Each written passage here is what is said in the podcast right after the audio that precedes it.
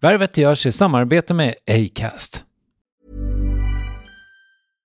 Hiring for your small business? If you're not looking for professionals on LinkedIn, you're looking in the wrong place. That's like looking for your car keys in a fish tank. LinkedIn helps you hire professionals you can't find anywhere else, even those who aren't actively searching for a new job but might be open to the perfect role. In a given month, over 70% of LinkedIn users don't even visit other leading job sites. So start looking in the right place. With LinkedIn, you can hire professionals like a professional. Post your free job on linkedin.com slash people today.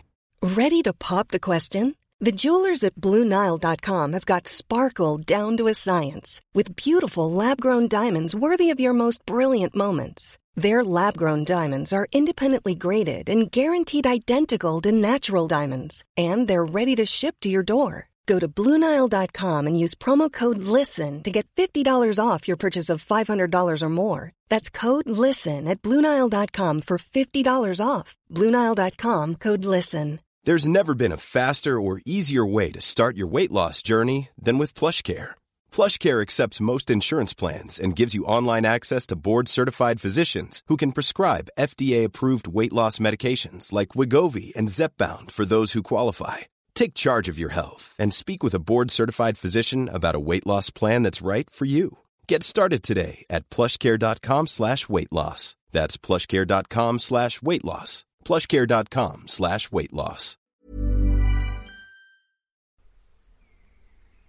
Värvet presenteras i samarbete med Nasonex, utomhusmöjliggöraren, som de inte kallar sig av någon märklig anledning. Men det är i alla fall Sveriges mest köpta antiinflammatoriska nässpray mot allergisk snuva.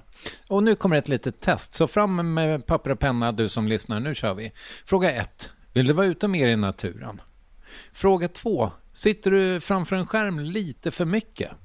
Fråga 3. Är du allergisk? Om du har svarat ja på någon av frågorna så tycker jag att du ska bege dig till beanoutsider.se.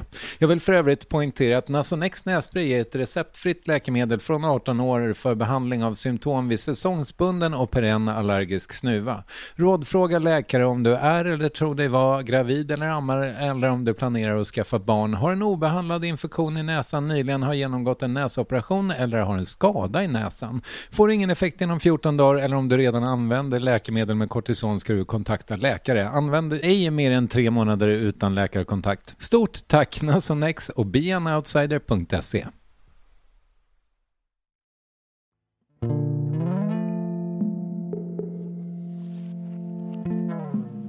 Det var ju verkligen inte så att vi liksom gjorde någonting och hade i huvudet att det här skulle kunna orsaka x antal personers död. Sen är ju liksom en hantering av sån här händelse är ju alltid full med osäkerheter. Mm. Men det är ju inte samma sak som man sitter där och liksom väger antal dödsfall med det ena eller det andra. Och sånt. Det handlar ju inte om det. Utan man, hela tiden går man ju mot det som vi hyfsat gott samvete kunde säga att det här är det mest effektiva vi kan göra just nu.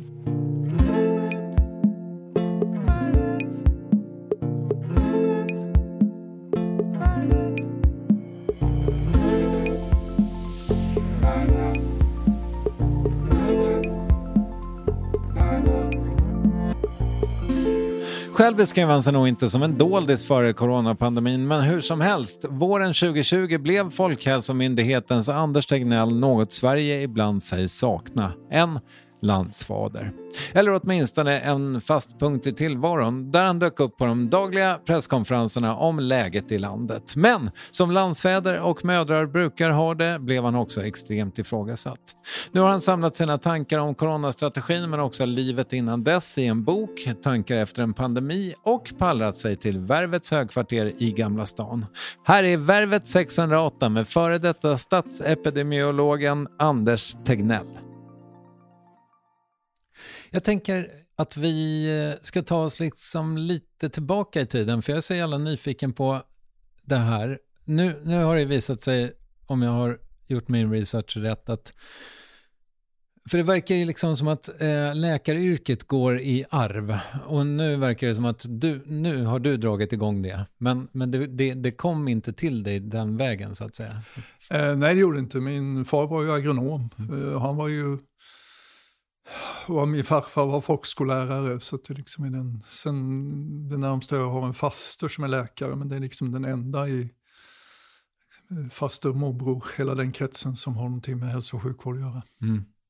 Och, och, och hur såg ditt liv ut när du kom fram till att det här kanske skulle vara något för dig? Du hade... Nej, men jag, jag slutade i gymnasiet och sen gjorde jag lumpen och visste väl inte riktigt vad jag ville göra. Så jag var ute och reste rätt mycket. Eh, men var väl ändå liksom in, helt inne på att jag skulle söka någon form av utbildning så småningom. Eh, och sen sökte jag medicin och kom in, men då var jag ute och reste så jag sa att nej, jag tackade nej då faktiskt. Vad var det då? Eh, då var jag i USA. Okay. Mm. Så då, och sen sökt, men ja, jag tyckte väl ändå läkaryrket kändes spännande, framförallt för att det var så flexibelt. Det fanns så mycket olika saker man kunde hålla på med. Och tänkte väl redan på då på att det fanns en internationell aspekt i det hela som jag verkligen gillade. Men, och du verkar ju liksom ha, ha haft ett jävla läshuvud. Det, det har liksom aldrig varit svårt för dig med skolan, eller? Nej, nej, jag har haft tur på det sättet. Det var rätt lätt för mig. Och sen när jag gick 7 8 9 i Etiopien så hade jag en fantastisk lärare. Så jag kom ju hem till gymnasiet och behövde liksom, kunde bara sitta där längst bak och lyssna. Aha, och klara, mm. liksom, jag låg lugnt ett halvår, ett år före alla andra. Så Smooth sailing. Ja. Mm. Men hur kommer det sig då tror du? Vad är det som gör att du har lätt att lära dig? Ja, jag vet inte. Jag menar, dels har jag rätt lätt för matte och siffror och det är väl liksom något, eh, det är liksom det där logiska tänkandet så att säga. Att det kommer man ju rätt långt med i väldigt många ämnen. Mm. Eh, sen läs, har jag alltid läst väldigt mycket. Eh, min mamma tog oss med till biblioteket redan när vi var bara några, fyra, fem år gammal och mm. sådär. Så jag är, liksom väldigt, jag är väldigt bra på att läsa snabbt och fånga liksom det viktiga i en text. Mm. Ja, eh, precis. Ja, du hade läst ut hela biblioteket enligt eh, din bok där. Alltså. Ja, vi hade ett litet bibliotek i den byn som vi bodde bredvid som vi snabbt betade av liksom barn och ungdomsböckerna så jag fick fortsätta på vuxensidan. Mm. Men eh, Alltså det här, ja fan, jag, jag, tycker det är fascinerande att ha lätt för att studera. Ser du det i dina barn också? Ja, det får jag nog säga. De har också haft turen att det inte har behövt, ja, att det har gått relativt lätt. För då funderar jag ju liksom om du, om, om det inte fanns några läkare i din absoluta närhet, även om jag i och för sig tycker att den fastar, sa du, ja. det är ändå ganska tajt. Jo, men hon var ju den enda av 10-15 i liksom den generationen. Och, mm. Sen okay. har det ju blivit fler bland kusinerna. Mm, ja, jag fattar. Mm. Nej, men för att eh, jag tänker mig lite grann om du hade så goda betyg som jag förstår det som, då kunde du liksom ha valt precis vad som helst antar jag? Ja, så var det ju. Ja. Vilket år började du plugga? Jag plugga medicin, ja, 78. 78, och det blev Lund? Det blev Lund. Var det en självklarhet? Ja, lite grann så var det ju. Eh, jag ville ju inte vara kvar i Linköping utan jag ville liksom komma någon annanstans. Och eh, mycket av min familj fanns ju i Lund, eller i Skåne, mm. runt om där. Så det känns ganska naturligt att det blev Lund. Ja, du hade ju, eh, det, här, det här vet ju kanske inte folk, men eh, du hade det här med din, för du har ju något slags dialekt och du menar ju att dina R kommer liksom från tiden i Skåne, med, medan dina syskon lärde av sig mer om, mm. så att säga. Men det var inte därför du valde just Lund? Nej, nej, du menar att slippa bli hånad för att man inte kan prata som folk? Nej, Exakt. så enkelt var det inte. Nej, nej jag fattar. Hur var den tiden? Hur var studietiden? Nej, men det var ju väldigt roligt. Jag trivdes väldigt bra i Lund. Mm. Det är en väldigt trevlig stad, en väldigt trevlig studentstad. Ja, verkligen. Och, mm. Ja, vi så småningom flyttade ju min blivande fru dit eh, och vi bodde i ett lite så här halvkollektivboende eh, lite grann i utkanten av Lund. Så vi, hade det jättebra. Nu, då förstår jag liksom att du, för visst var det så att du, du träffade henne i USA? Mm. Och, men var det på den resan när du tackade nej till? Mm. Ah, okej. Okay. Ja, jag fattar. Så mm. Fast det tog, verkar ha tagit tid för er att bli ihop. Ja, sen bodde vi ju på olika ställen. Jag bodde ju också och jobbade ett, ett tag i Holland och så innan, hon, innan vi bestämde oss för att det skulle bli Sverige. Ja, okay. Mm. Jobb, du jobbade i Holland? Ja. Med? Uh, skogshuggare. Ah, okej. Okay. Ja, just det, men det läste jag. Ja. Du är duktig på ved, får man förmoda. Då. Ja, duktig och duktig, men jag har på med det rätt det mycket. Kanske inte kan vara, det, hur svårt kan det vara? Kanske? Ja, det kan vara betydligt svårare än du tror. På vilka sätt? Ja, men det är en materialsport det också. Man ska ha rätt sorts yrke, yxor och man, liksom olika vedslag ska hanteras på lite olika sätt. Och så. Så det, Mm. ja, Kilar precis. ska man kunna skita om. Ja. Ja, jag fattar. Ehm, jag tänker mig också, om man då har haft så lätt eh, för studier, var läkare liksom ett högstatusyrke? I dina ögon? Jo, men det var det ju, Mm. får man ju ändå säga. Det var ju liksom ett av de... Eh, på den tiden var det ju nog den studien som krävdes allra högst poäng för att komma in på. Alltså, om jag har gjort matten rätt då, så i början på 80-talet någonstans så ska du ut på AT-tjänst och sådana grejer. 85. Och hur var det? Nej, men då hade vi bott eh, tillsammans några år i Lund och vi var väl liksom, tyckte väl att vintrarna i Lund och det hela, det var inte sådär jätteskoj. Eh, så då sökte jag till Östersund. Vi ville liksom, mm, ja, testa riktiga vintrar och ägna, kunna ägna lite mer tid i skidåkning och sånt. Eh, plus att Östersund hade ett gott rykte som AT-ort. Så att, eh, då flyttade vi dit. Vad lärde du dig under den tiden? Ja, allt det här basala som man lär sig som läkare. Jag menar, den akademiska utbildningen är ju, är ju visserligen sån att man tillbringar mycket tid på sjukhuset så man är ju rätt hyfsad inne i rutiner och sånt eh, redan under studietiden.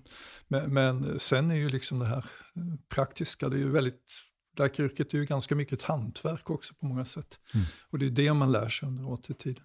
Va, men liksom, och när man är AT-läkare, nu är, förlåt om jag är oinsatt, men då har man ingen specialitet, det kommer sen eller? Nej, precis. Då går man ju igenom, att, nu är det lite, blivit lite annorlunda över tid, men då går man igenom de här stora specialiteterna eh, för att få en ordentlig bredd i sitt yrkeskunnande. Men jag tror också lite grann för att man ska kunna testa hur det är att jobba på lite olika ställen. Så man, är, man jobbar i internmedicin, man jobbar på kirurgen, man är på psykiatrin och dessutom var jag då ett, ett halvår i öppenvården uppe i Strömsund i norra Värmland. Okej. Och vad, vad tyckte du om de här olika liksom, disciplinerna?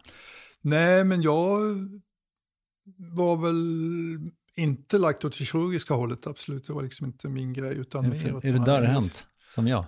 Ja, ja nej, dessutom gillar jag nog mer utmaning i de här liksom andra bitarna som är ju lite mer så här logiskt tänkande, lägga pussel och komma fram till grejer. Mm. Kirurgin är ju liksom mer rakt på, ska jag skära eller inte skära? Mm. Om man nu ska vara lite sån. Psykiatrin då?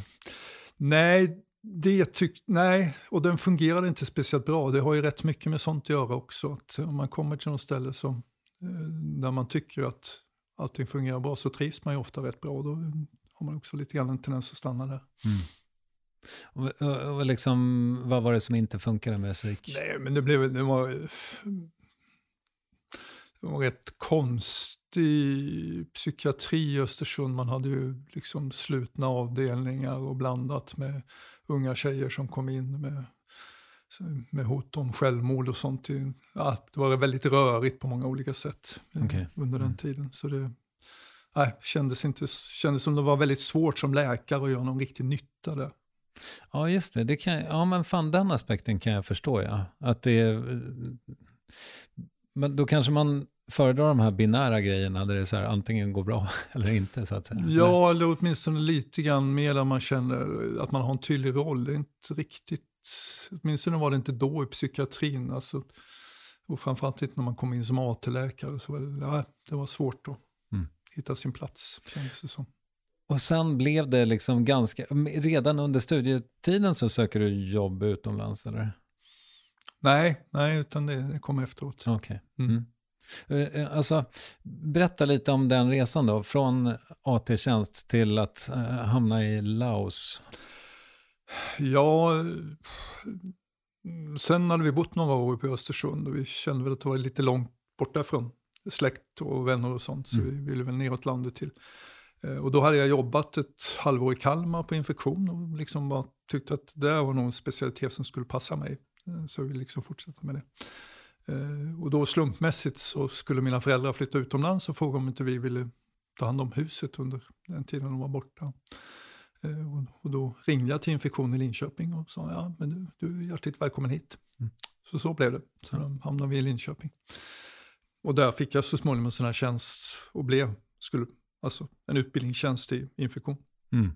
Eh, samtidigt så hade ju liksom både jag och min fru hade ju en, en bakgrund att vi hade bott utomlands. Vi var väldigt intresserade av det. Så vi hade ju hela tiden liksom gått och funderat på, ska vi inte försöka få ett sånt, eller jag då i första hand, som det var enklast med min bakgrund, eh, försöka få ett sånt jobb så vi kan eh, jobba utomlands ett tag. Mm. Eh, och då sökte jag en sån här typ av tjänst på Sida, då när vi varit i Linköping några år. Eh, och fick den. Eh, och då blev det Laos. För hon är psykolog? Nej, min fru är arbetsterapeut okay. från början. Mm. Mm. Men numera forskar i implementeringsforskning. Mm. Vad gör man då? Ja, man forskar på hur, hur det fungerar att ta in nya metoder, bland annat i hälso och sjukvård. Okay. Vilket är ett betydligt större problem än vad man kan tro ibland. Det låter besläktat med det du gör ändå? ja, det finns en hel del eh, kopplingar mellan eh, sånt som jag har gjort och eh, det som hon håller på med nu. Mm. Och att börja då med infektion, var det liksom som att, aha, ja men det är ju det här jag ska hålla på med? Ja, det var det nog rätt mycket. Det är en specialitet som handlar väldigt mycket om att lägga pussel och försöka förstå ja, vad behöver man ta för prover, vad säger de, eh, hur går vi vidare sen och sånt. Så det är liksom en, rätt mycket den typen av utmaning. Mm. Och vad, liksom, vad, vad, är, vad är det för tid, vad är det för sjukdomar, vad, vad, vad fick du hålla på med här i början?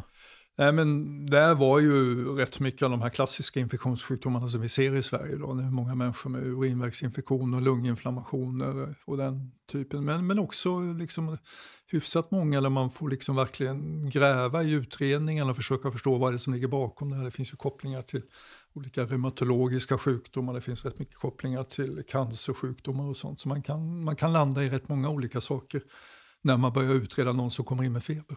Mm, jag fattar.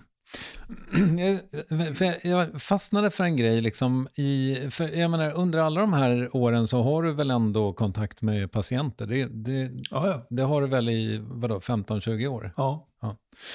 För jag, jag, fastnade för en grej och jag vet inte om du tycker, men jag tyckte att här var, jag kommer läsa högt nu lite ur din bok. Att ge patienter stöd var inte min starkaste sida. Som läkare lindade jag inte in saker eller sökte läsa av patienternas känslomässiga behov, för jag såg inte det som min roll, utan lämnade det åt de anhöriga. Jag är lite fyrkantig och fungerar bäst med de som vill ha raka besked. Jag är så nyfiken, vad tänker du när jag läser upp det här?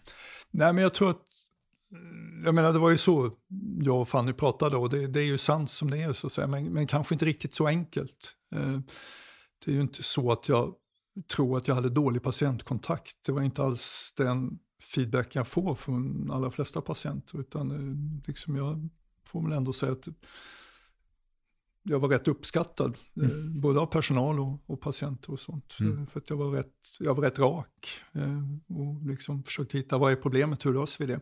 Mm. Eh, på ett rakt sätt. Utan det var väl mer det här att det finns ju liksom olika patientgrupper som kanske mer behöver av det här omvårdnads...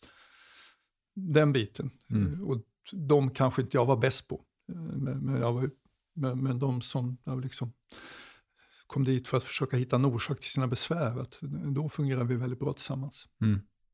Ja, men det kan man väl också i och för sig uppskatta ofta tänka mig, alltså just rakheten istället för eh, att, alltså det har varit vidrigt med läkare som så skulle linda in mm. ett eh, besked in i all evighet. Det känns som en sketch liksom.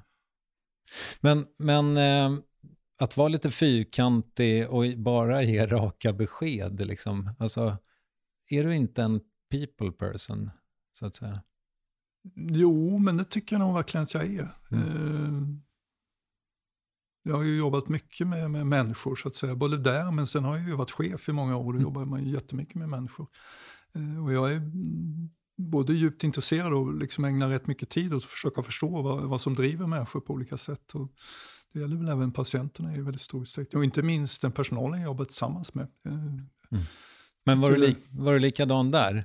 Att inte läsa av de anställdas känslomässiga behov? Nej, men tvärtom skulle jag säga. Jag tror att eh, det jag har fått tillbaka efteråt, att jag är väldigt uppskattad av personalen runt om mig som liksom en, eh, en rak person och liksom enkel och liksom inte ställer onödiga krav utan eh, vi gjorde grejer tillsammans så att säga. Mm. Var det liksom, för att, eh, man, vi, vi kan återkomma kanske till lite hur du har varit som chef, men när du har bytt jobb så att säga, att gå från läkare liksom och sen studera antar jag och sen hamna på eh, myndighet. Eh, har du haft en plan? Nej, det kan jag inte påstå. Mm. Utan det har varit rätt mycket att jag har fått olika typer av erbjudanden och jag oftast tackar ja till mm. nya spännande saker. Mm. Och, och, och, att liksom kliva av, för någonstans längs vägen så kliver du väl av läkaryrket då för att eh, forska, eller? Nej, utan jag klev ju av läkaryrket för att gå in i, i myndighetsvärlden så att säga. Okay. Eh, det var ju liksom det steget jag tog. Ja, jag fattar. Um, via forskningen lite? Nej, forskningen hade jag ju börjat redan under min läkarperiod med och avslutade under min tid som myndighetsperson. Så att säga. Ah, okay. Eller avslutade, men mm. jag har ju hållit på lite grann med den hela tiden. Men, men min doktorsavhandling, den är ju kopplad till min, mitt jobb på, mm. eh, inom sjukvården. Mm. Eh, sen att jag avslutade den eh, när jag jobbade på Smittskyddsinstitutet. Och, och, eh, det här med att byta jobb då, liksom, uh, har, du, har du haft en rastlöshet eller har, du liksom, eller har det mer kommit till dig? Det har nog mer kommit till mig, att jag har fått eh, spännande erbjudanden på olika sätt och, och då gått vidare.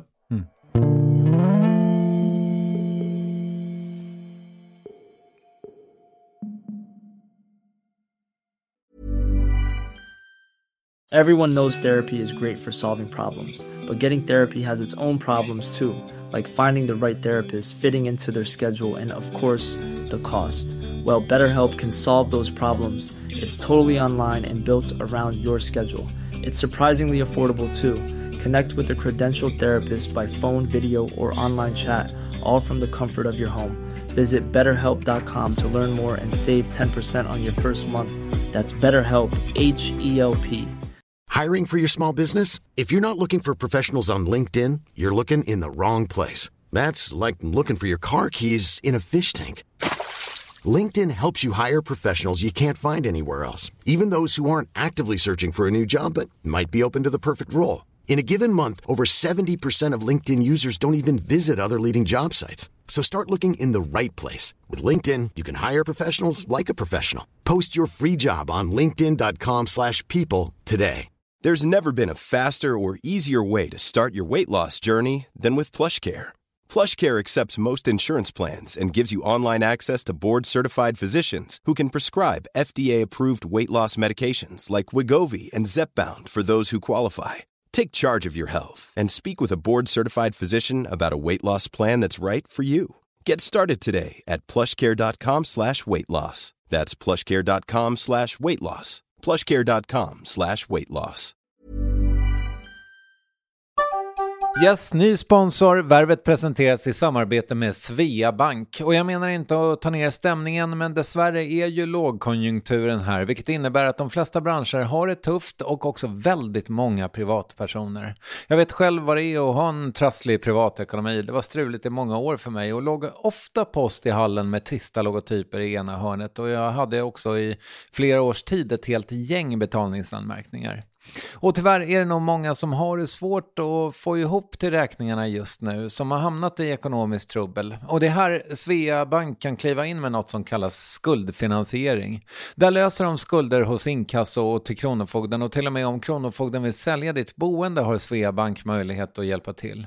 I den här tjänsten får du en personlig handläggare som gör en grundlig genomgång av din ekonomiska situation. De tar kontakt med dina kreditgivare och när ett lån beviljats löser de dina skulder skulder åt dig och samla dem i ett enda lån med en avbetalningsplan som din ekonomi klarar av.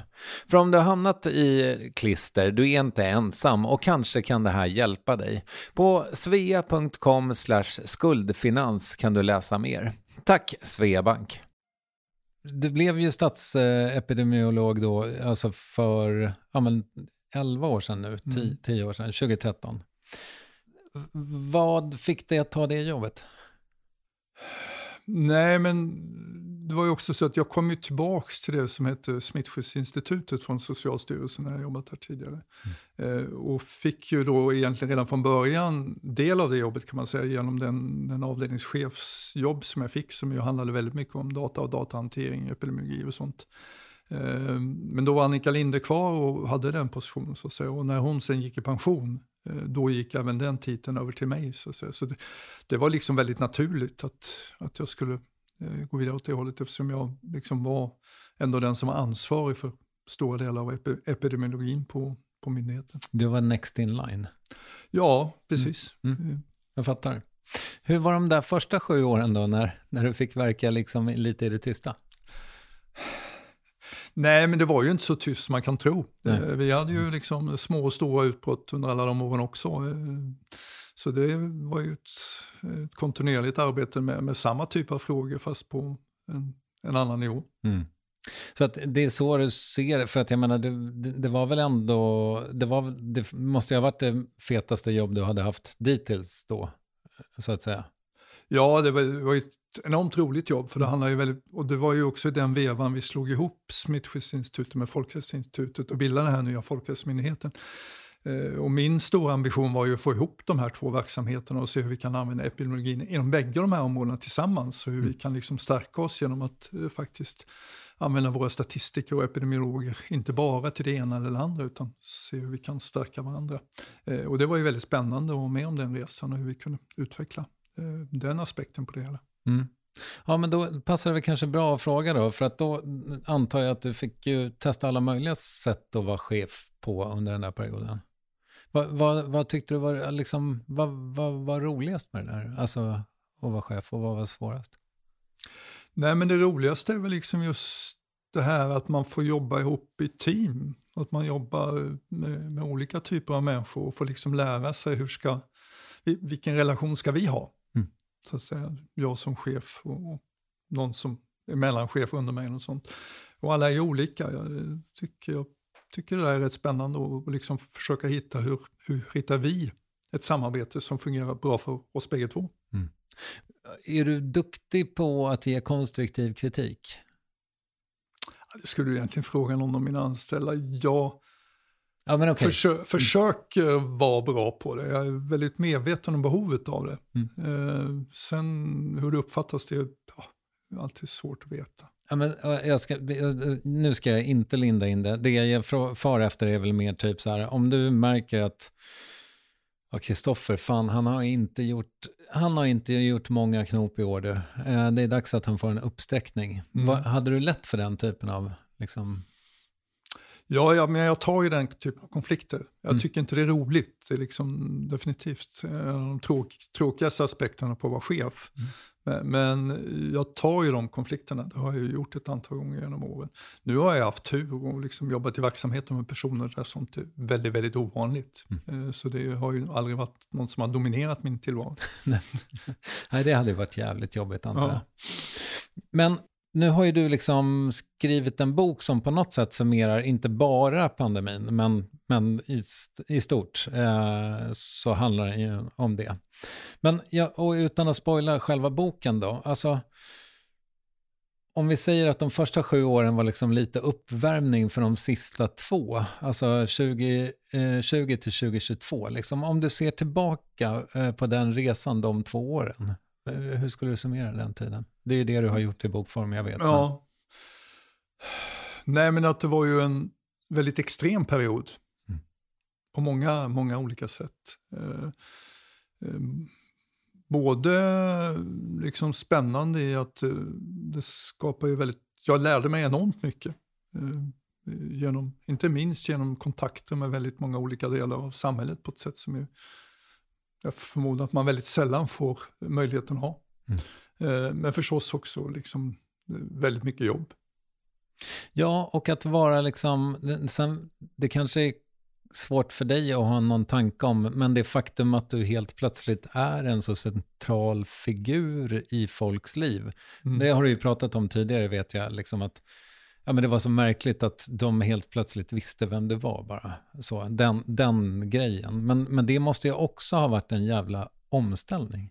Ja, precis. Jag har, ju, jag har ju ändå varit med i media då och då när det har hänt olika saker. Jag var ju faktiskt med i förra svininfluensapandemin också.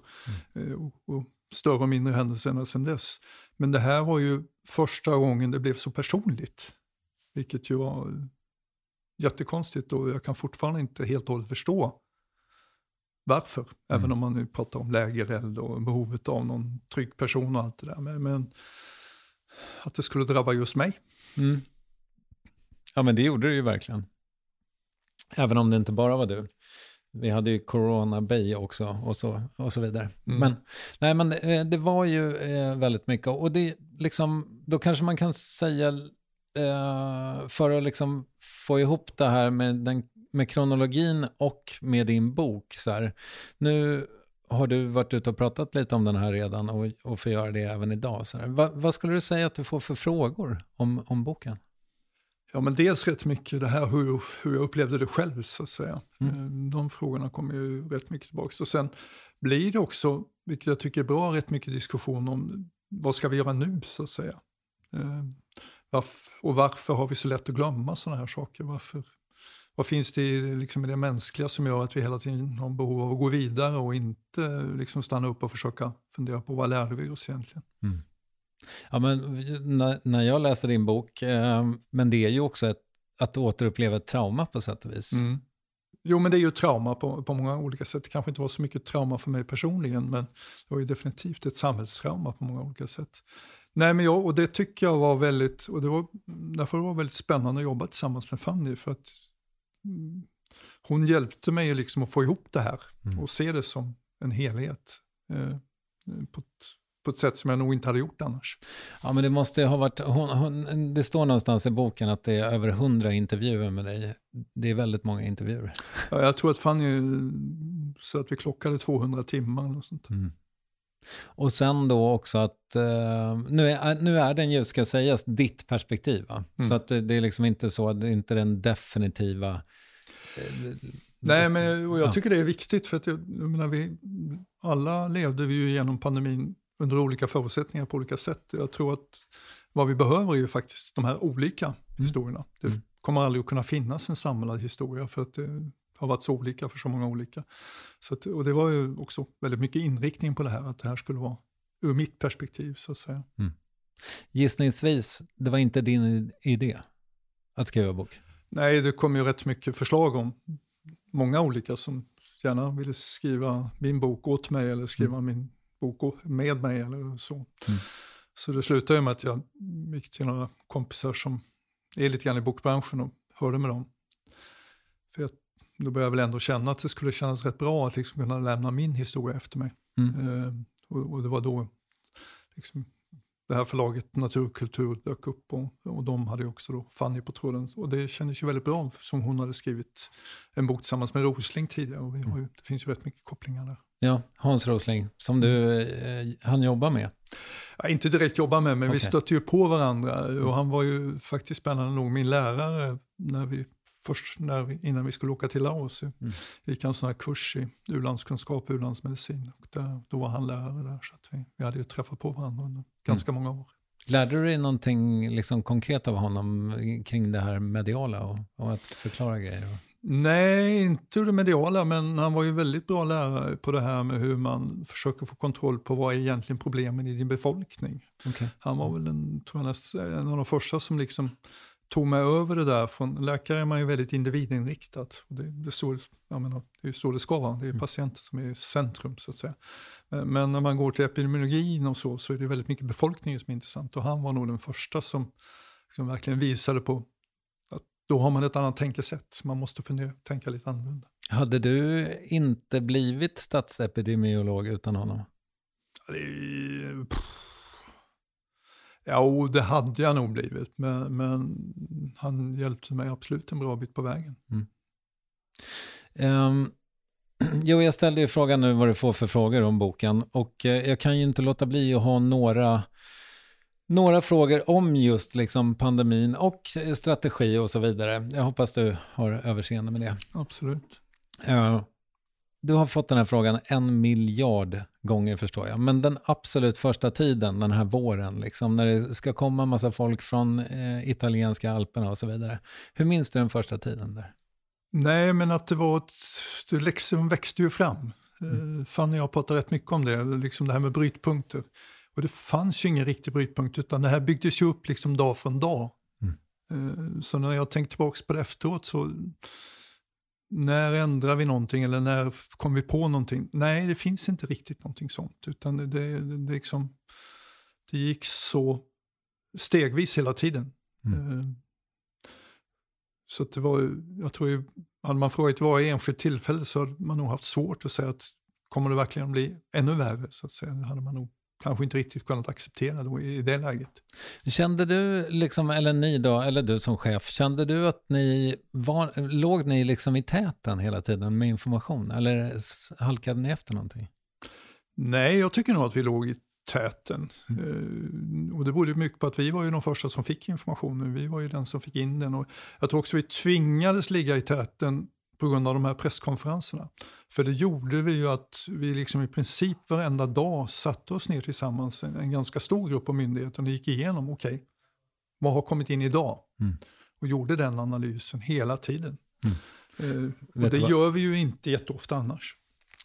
Nej, men jag, jag bara, eh, för att när jag eh, tänkte tillbaka på den här första tiden så funderade jag liksom på, och det där är såklart kanske omöjligt att veta, men, men vissa grejer så här som, som jag tänker på med dig just så här, eh, alltså det är envisheten liksom kring att det var en droppsmitta till exempel. När förstod du att det var ett, när, du hade, när förstod du att du hade fel om det? Nej, men jag hade inte fel. Okej. Okay. Dessutom är det här liksom en väldigt konstig uppdelning. Eh, och jag hade tänkt rätt mycket på det innan och pratat med Johan Giesek och andra. Att vi har en väldigt konstig uppdelning i sjukdomar som egentligen kommer ifrån att, hur man hanterar dem i sjukvården men det är inte relevant ute i samhället. Mm. Utan det viktiga är inte om det är droppar eller om det är luft eller vad det är, utan det, det viktiga är var smittas man någonstans, alltså okay. rent fysiskt. Det är det som, för det är där man sätter in åtgärderna. Mm. Eh, och när man då vet att de flesta smittas på arbetsplatsen, då försöker man få bort folk från arbetsplatsen. Och det är liksom egentligen inte intressant om det är liksom händerna eller luften eller dropparna eller som smittar. Det är, inte, det är inte det man behöver veta när man ska liksom designa bra åtgärder. Nej, jag fattar. Men däremot är det jätteviktigt i sjukvården där man har liksom andra skyddsbarriärer och sånt att jobba med. Mm.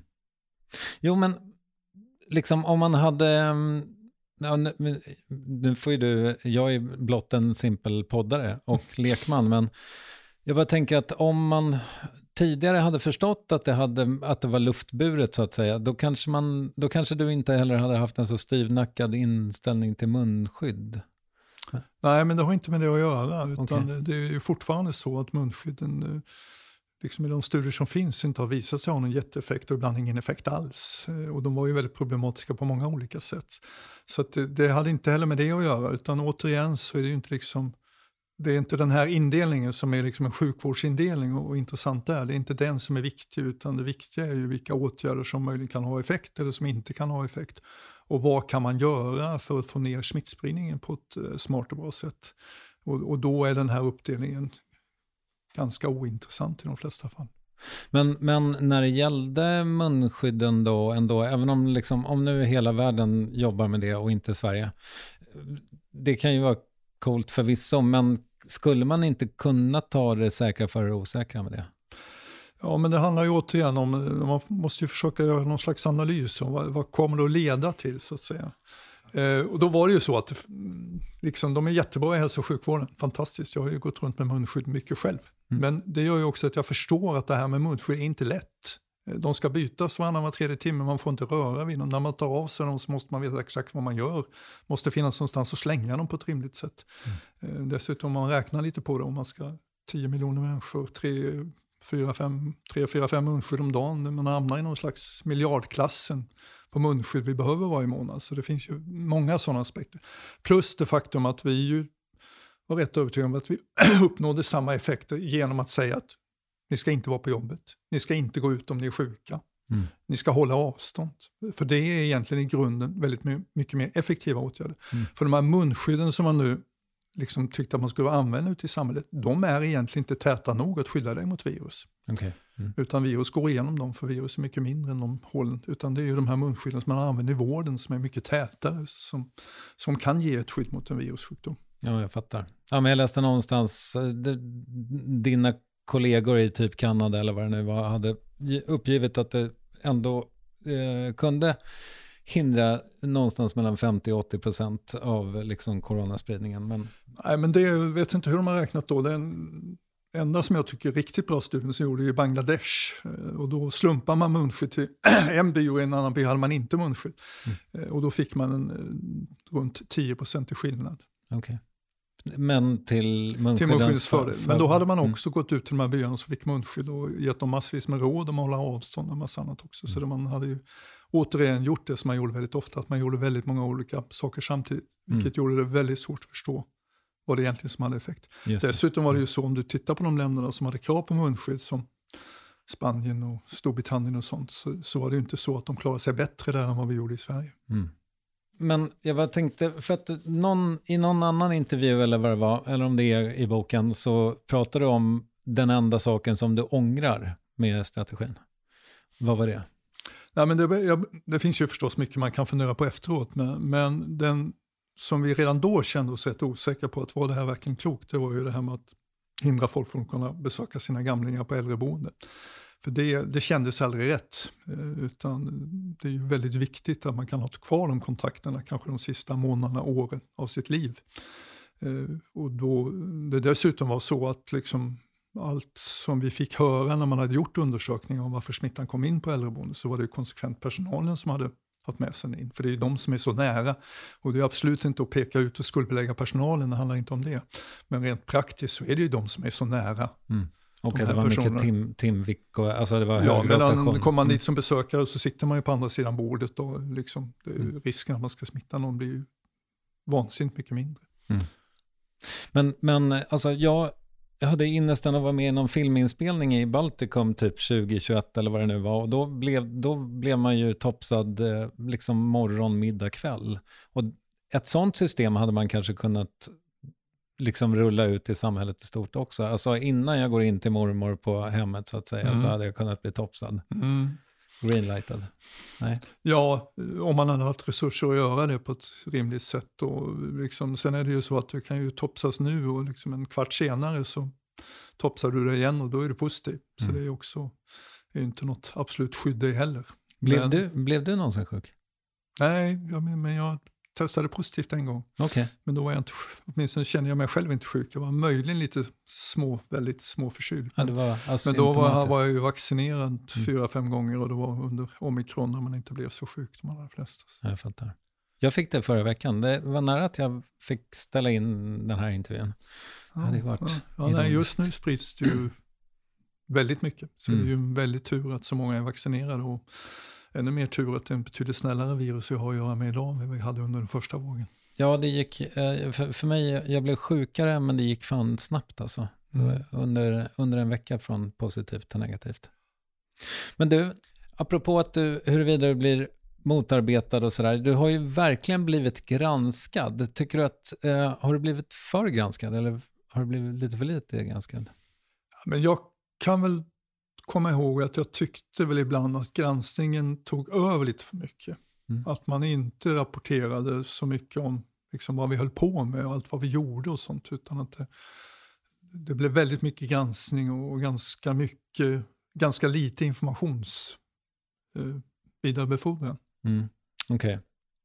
Okay. jag funderar liksom lite, och i, i, nu, blir det liksom som en metafråga, för, eller jag ställde metafrågan precis, men jag funderar på, liksom, för när de tillsatte coronakommissionen, då hävdade de ju till exempel att FOM hade för mycket makt över liksom, regeringen. Håller du med om den kritiken? Hade ni för mycket makt?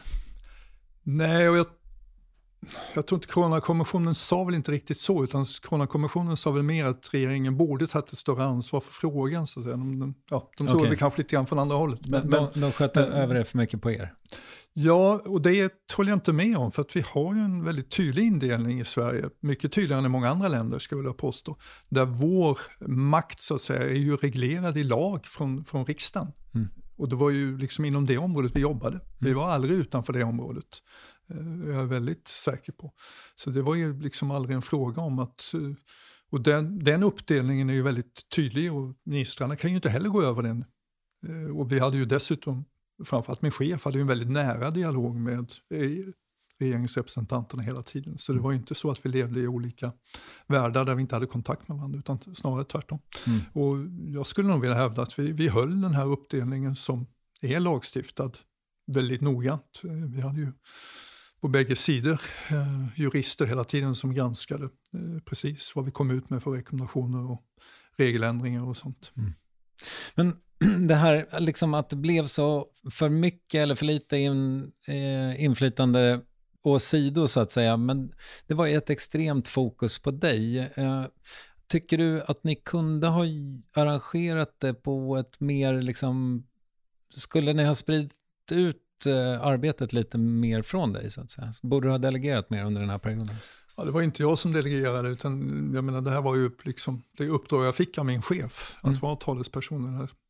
Men det är klart att, och det är jag säker på att många tänkte på på myndigheten också, att eh, visst, det hade kunnat vara bra om flera var inne. Samtidigt så fanns det en, en, stor fördel med att vi inte var många, för att det gäller ju också att liksom kunna hålla en linje i de olika frågorna. Det var väldigt svårt att veta vilka frågor som skulle komma upp varje dag.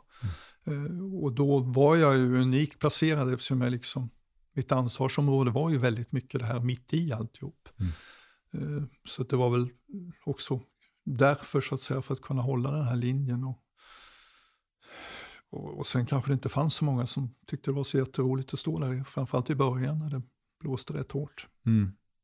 Ja, vilken av den där, liksom av all kritik du fick, vilken tog hårdast på dig? Det var ju så mycket olika under olika tider och sånt det som var tråkigast var väl liksom de gånger vi liksom hade visat lite felaktiga siffror eller vad som upplevdes som felaktiga siffror och man gick verkligen igång på det. Det, det kändes ju inte speciellt roligt. Vi försökte ju verkligen och vi la ner massor med tid på att kvalitetssäkra det vi visade. Men någon gång så, så blev det lite fel eller kunde uppfattas som lite fel och det, det var ju, ja, det var inte speciellt skoj. Mm. Uh, jo, men en sak som sådär ganska ofta återkom och jag tänker att det fanns liksom demonstranter kring det också. Människor som tyckte liksom att du, eller det blev ju du som blev symbolen, även om det var uh, myndigheten, men att ni liksom gamblade med folks liv. Låg det någonting i den kritiken, tänker du? Nej, nej, det gjorde ju inte. Det var ju verkligen inte så att vi liksom gjorde någonting och hade i huvudet att det här skulle kunna orsaka x antal personers död. Absolut inte. Mm. Sen är ju liksom en hantering av en sån här händelse är ju alltid full med osäkerheter. Mm. Eh, och man vet ju aldrig riktigt säkert vad som fungerar eller vad som inte fungerar. Nej. Eh, så är det ju. Mm. Men det är ju inte samma sak som man sitter där och liksom väger antal dödsfall med det ena eller det andra. Och sånt. Det handlar ju inte om det, utan man, hela tiden går man ju mot det som vi med hyfsat gott samvete kunde säga att det här är det mest effektiva vi kan göra just nu. Mm. Men det här med flockimmuniteten då, för det, det, det, är väl någonstans där jag kan tänka mig att man får de tankarna ändå. Det pratades väldigt mycket om flockimmunitet och, och rätt så sent också tänker jag mig att du pratade ändå om att eh, flockimmunitet skulle inträffa innan vaccinet var på plats till mm. exempel. Nej, men det, det var väl en, ett ställe där vi misslyckades i vår kommunikation, eh, tror jag. Eh, framförallt. För det handlar ju aldrig om att det här var ett, ett mål på något som helst sätt. Däremot är det ju en aspekt på en smittspridning som är väldigt viktigt att hålla koll på. För att den hur stor immunitet man har i befolkningen har ju väldigt stor betydelse för hur snabbt smittan sprids. Och det är ju självklart att om den ökar väldigt fort och att man då kan förutse att smittan kommer att minska ganska snabbt väldigt snart, då kan man ju liksom ställa in åtgärden efter det på ett annat sätt än när man vet att det är fortfarande väldigt få som är smittade och det kommer att, liksom, kommer att se ut så här under en lång tid framåt. Ehm, och därför så måste, behöver man ju liksom ha det med sig i sitt tänk. Så att säga. Men det kan ju absolut aldrig vara ett mål att man vill att folk ska bli sjuka så fort som möjligt. För det kan ju ha extrema konsekvenser, det insåg vi ju alla. Mm. Så det handlar ju inte om det. Ehm, och sen var det ju så att vi, vi överskattade, jag och flera med mig, överskattade hur snabb smittan var i början. Ehm, vi trodde ju att den var väldigt mycket snabbare än vad den var. Mm. Eh, och det var inte förrän vi kunde göra de här studierna och gå ut i befolkningen och kolla som vi upptäckte att nej, det har inte alls gått så snabbt som vi har trott. Eh, och så snabbt som vi då bedömde att den skulle kunna göra baserat på vad vi visste med liknande sjukdomar tidigare. och så där. Utan mm. det här, speciellt det virus som fanns i första vågen, var inte alls så smittsamt som eh, många experter satte siffror på, utan det var betydligt mindre smittsamt. Mm. Jag ska snart, eh, det passar inte mig särskilt väl att vara så här kritisk journalist och jag ska snart släppa den rollen. Men, men det var någonting med liksom, eh, en mejlkonversation mellan dig och Finlands, din kollega i Finland, där det var liksom, min tolkning är att du säger typ så här, ja fast om 10% blir sjuka, kanske till och med avlider, det kan vara en, alltså en, en bra trade-off. Eller eh, kan du reda ut det där för mig? Nej, men det var ju inte det. Jag menar, dels var det ju liksom en mening tagen ur en lång konversation mellan oss. Där vi ju hade den här diskussionen om vad, vad kommer en flockimmunitet att innebära och hur snabbt kan den inträda. Mm. Okay. Så, så, det var ju inte, inte mer än så. Det var ju aldrig någon gamble med folks liv. Alltså. Okay. Mm. Jag fattar. Du, eh, Eh, 2022 så eh, kungörs det ju att du ska sluta som statsepidemiolog. Liksom, hur, hur, gick, hur gick det till? Nej, men det var väl så här att jag var ju ändå 65 eller nästan 65 vid det laget. Jag började liksom känna att jag skulle vilja göra någonting annat. Eh, kanske något eller några år innan jag slutade jobba helt. Och alltid haft lite grann en ambition eller en intresse av att kanske jobba internationellt igen innan jag slutade. Eh, och diskuterade med en del kollegor och en del i regeringen och liksom olika människor jag kände. Och, och då tog man en kontakt med WHO, eh, med folk där som jag bland annat kände tidigare och de tyckte också det var en bra idé. De behöver alltid mer folk, att jag skulle komma dit såg de som en definitiv förstärkning. Mm. Eh, och då liksom satte vi igång den processen och då var det också ganska rimligt att jag steg av mina uppdrag. Det är svårt att vara hög chef på en myndighet när folk vet att man ska sluta rätt snart. Så då är det bättre att stiga av åt sidan och liksom låta någon annan ta över och mm. gå vidare. Eh, sen visade det sig att på något sätt så hade processen startat fel på WHO. Eh, och så småningom gick den då i stå. Eh, och WHO tyckte att nej, vi ska börja om från början med vår riktiga process. Så att säga. Och då hade det gått rätt mycket tid och både jag och myndigheten och liksom alla inblandade var rätt trötta på alltihop. Och då landade vi istället att nej, men då stannar jag kvar med myndigheten och jobbar med internationella frågor där istället. Mm. Istället för att liksom börja en process som kanske skulle tagit ett halvår till. Men vadå, eh, tanken var att du skulle få någon slags gräddfil in, men det Nej, inte en gräddfil, utan WHO har ju väldigt mycket det här konceptet att man kommer dit som så kallad sekunderad, att man blir utlånad. Och ganska många av de som jobbar på WHO är där i den funktionen. Mm. Uh, och då erbjuder sig liksom staten Sverige om att vi skickar dit Anders Tegnell, vi betalar hans lön, uh, men ni får liksom använda honom som ah, arbetskraft. Okay. Så att säga. Mm. Och det var det erbjudandet som gick. Men tyvärr gick det in lite fel i deras process. För de vill ju också ha koll, de vill ju inte liksom att vem som helst kommer dit utan vidare. Mm. Uh, de borde väl rimligen ha haft koll på dig vid den Ja, och det, det var inte också. det det handlade om tror jag, utan det okay. var ju mer att då ska liksom, det ska börja här uppe och det ska liksom utlysas och sen ska man kolla, finns det något bättre i Sverige och sen uh, ska man gå vidare genom alla olika okay. steg. Okay.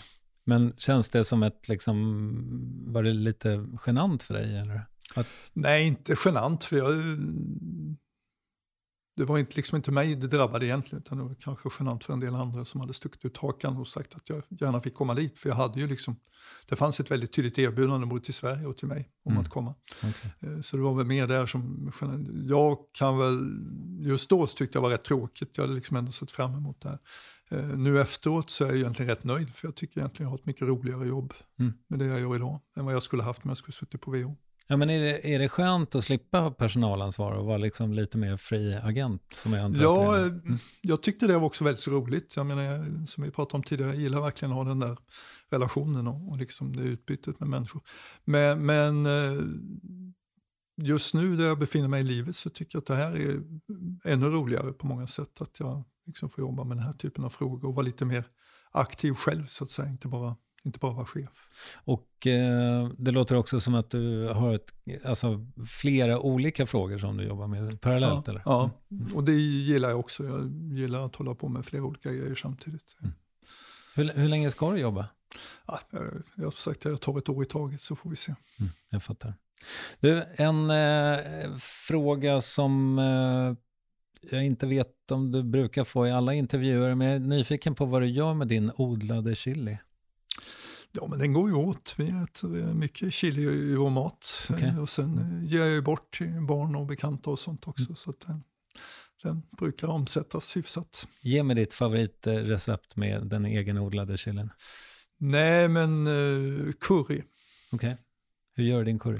Nej, men liksom alla de, att liksom göra den här kryddblandningen själv från, från scratch på olika sätt och mm. ha med sin egen chili i det. Det blir väldigt gott. Okej, okay, och sen så gör du en gryta på det bara? Ja. Kokosmjölk, lamm? Kokosmjölk, lamm eller grönsaker. kyckling. Mm. Rätt mycket lamm, vi äter rätt mycket lamm. Ja. Både gott och nyttigt. Mm. Du, eh, eh, förutom att eh, ta ett tåg senare i eftermiddag, vad har du att se fram emot? Jag har ett antal olika projekt på gång.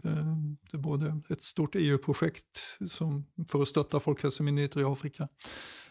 Några mindre projekt direkt med lite olika afrikanska länder ja, lite samarbete med Chalmers och andra om matematiska modelleringar vid framtida pandemier och sånt. Så ja, jag har mitt lilla smörgåsbord med olika saker att göra. Mm. Tänker du att du har gjort världen till en bättre plats i, i ditt yrke? Nej, jag, nej, jag har lite svårt för den typen av ambitioner och sånt. Vi är, vi är alla små kuggar i någon slags maskineri. Och vad vi gör och vilken effekt det får har ju väldigt mycket kontexten betyder så extremt mycket. Det är väl liksom min grej nu för tiden. Att jag tror att vi ibland glömmer bort och tror att mycket saker är mycket mer isolerade än vad de egentligen är. Utan det är ju kontexten som är så extremt viktig för allt mellan om du blir en ny Tesla-person eller om du blir en statsepidemiolog eller vad det är. Mm. Så det, du är en uh, teamplayer helt enkelt? Ja, ja, ja och framförallt så är jag väl ganska mycket inne på det där att man, man, man är där man är och försöker göra det bästa ur den situationen. Man kan liksom inte ha ambitioner som går utanför de förutsättningar som finns. Ja, men jag tänker mig att när man blir läkare då har man väl ändå något slags ambition om att i alla fall, liksom kanske inte föra hela mänskligheten framåt, men att i alla fall påverka några liv längs resan. Jo, på individnivå, det, det gjorde jag ju säkert. Det, jag menar, det infektionssjukdomar är ju väldigt tydligt på det sättet. Man kommer in med en allvarlig lunginflammation och så får man några doser penicillin och så går man hem mm. frisk efter tre dagar. Det är ju, liksom en, det är ju en fantastisk upplevelse att se det. Men eh, tvärtom, har det tagit livet av någon? Nej, nej det är inte, infektion är ju inte heller riktigt på det viset. Det är, ju, mm. vi har ju, det är inte ofta man dör på en infektionsklinik, det är det faktiskt inte. Skönt. Du, eh, nu ska du få gå, men innan dess så ska jag bara fråga, eh, tv-serien House, är det sånt, gick du igång på den när det begav sig? Ja, lite grann, för att jag, jag tycker, sen relevansen och det, det, det kan man diskutera, det mm. är lite väl vilt. Men, men, själva grundkonceptet tycker jag är spännande, för det ligger rätt nära sånt som jag har på med, just det här att lägga pussel och försöka förstå eh, konstiga saker och hitta eh, relativt enkla lösningar på dem. Mm. Ja, det var det jag tänkte. Stort tack för att du kom. Tack själv. Ha ett otroligt 2024. tack. Detsamma.